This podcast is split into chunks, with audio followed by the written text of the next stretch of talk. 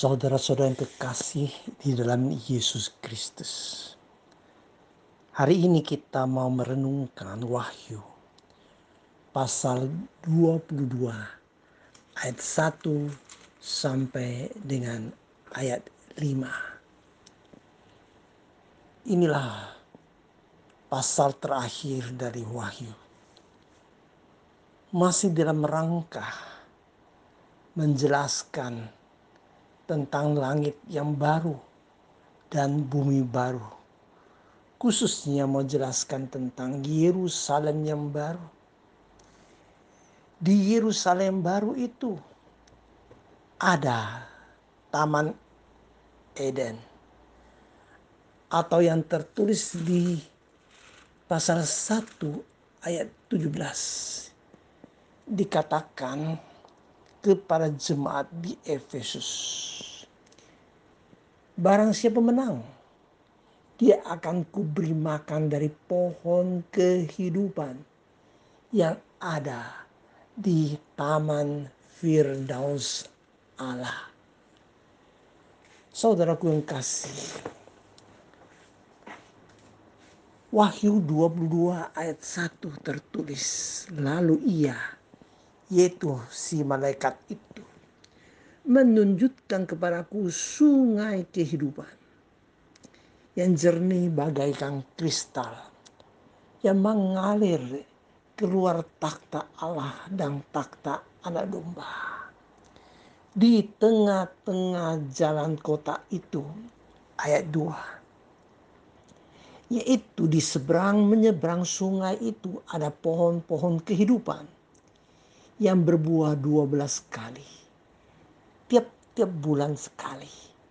Dan daun pohon-pohon itu dipakai untuk menyembuhkan bangsa-bangsa. Taman Firdaus kembali ketika manusia telah berdosa.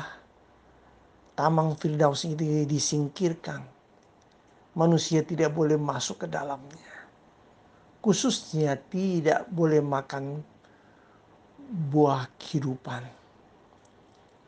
Tapi saat ini Taman Firdaus Allah itu telah muncul kembali. Sehingga di sini mengingatkan kita saudara atau menunjukkan kepada kita kota Yerusalem baru ini bukan gersang, bukan keindahannya.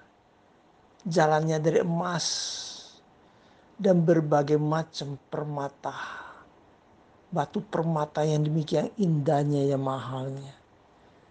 Tapi sini tertulis ada sungai yang indah sekali. Sumber sungai ini adalah dari takhta Allah dan takhta anak domba.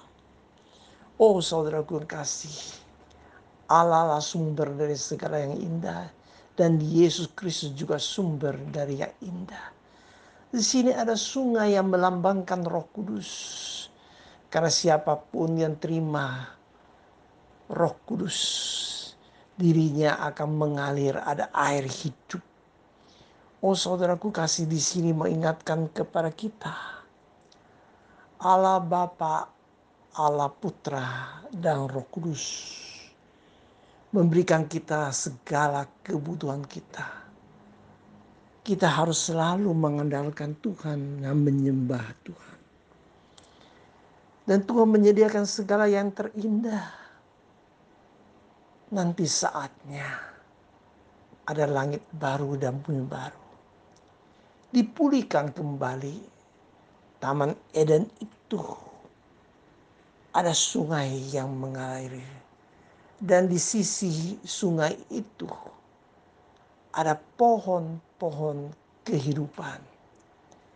Saudaraku yang kasih, di sinilah kita mau melihat sesuatu yang indah.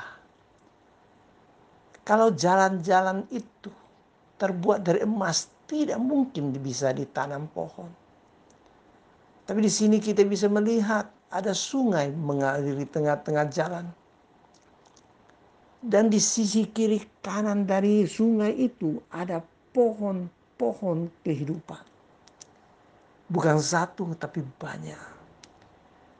Bahkan sesuai dengan musimnya tiap bulan ada buahnya. Oh saudaraku yang kasih. Di sini mau ingatkan kepada kita demikian hebatnya dan indahnya.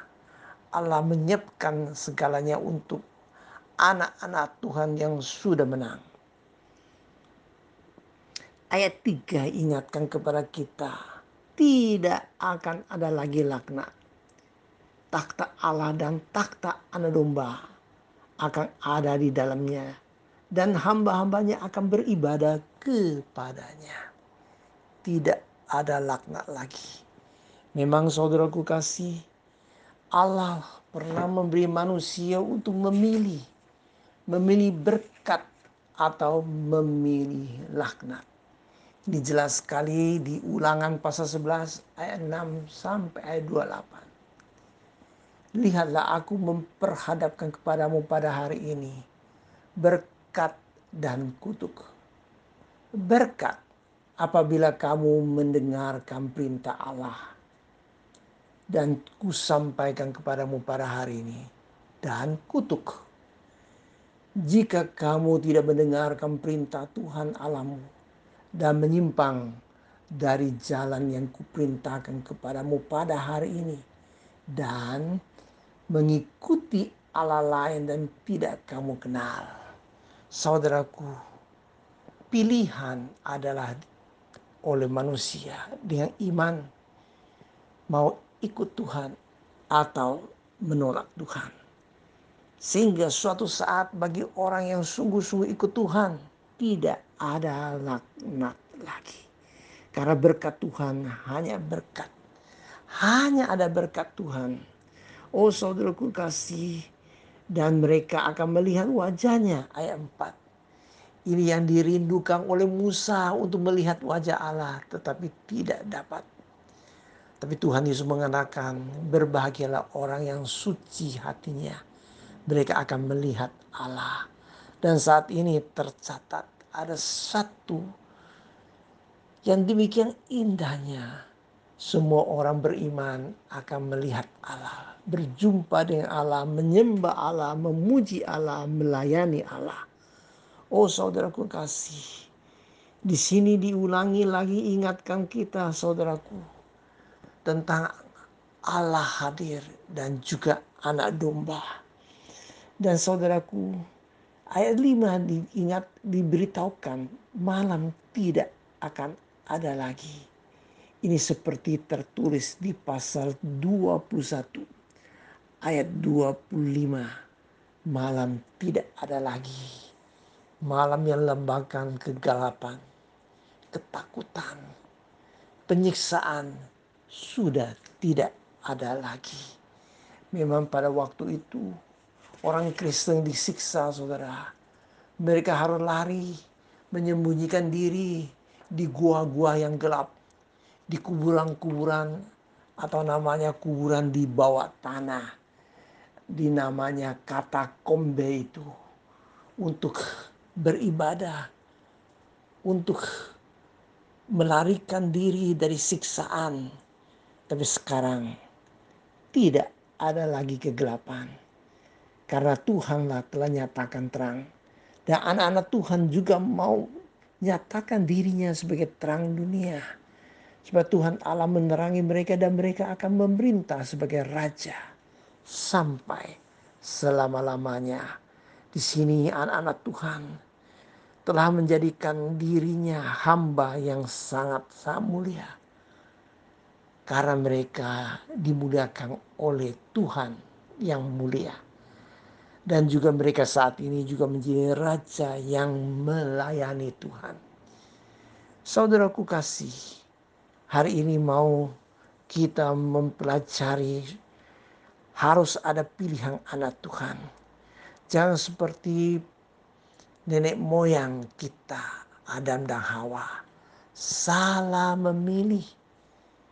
Mereka memilih untuk makan buah yang terlarang.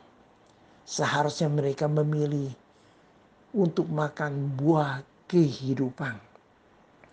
Puji Tuhan, kalau anak-anak Tuhan yang sudah menang diberi untuk bisa menikmati buah kehidupan.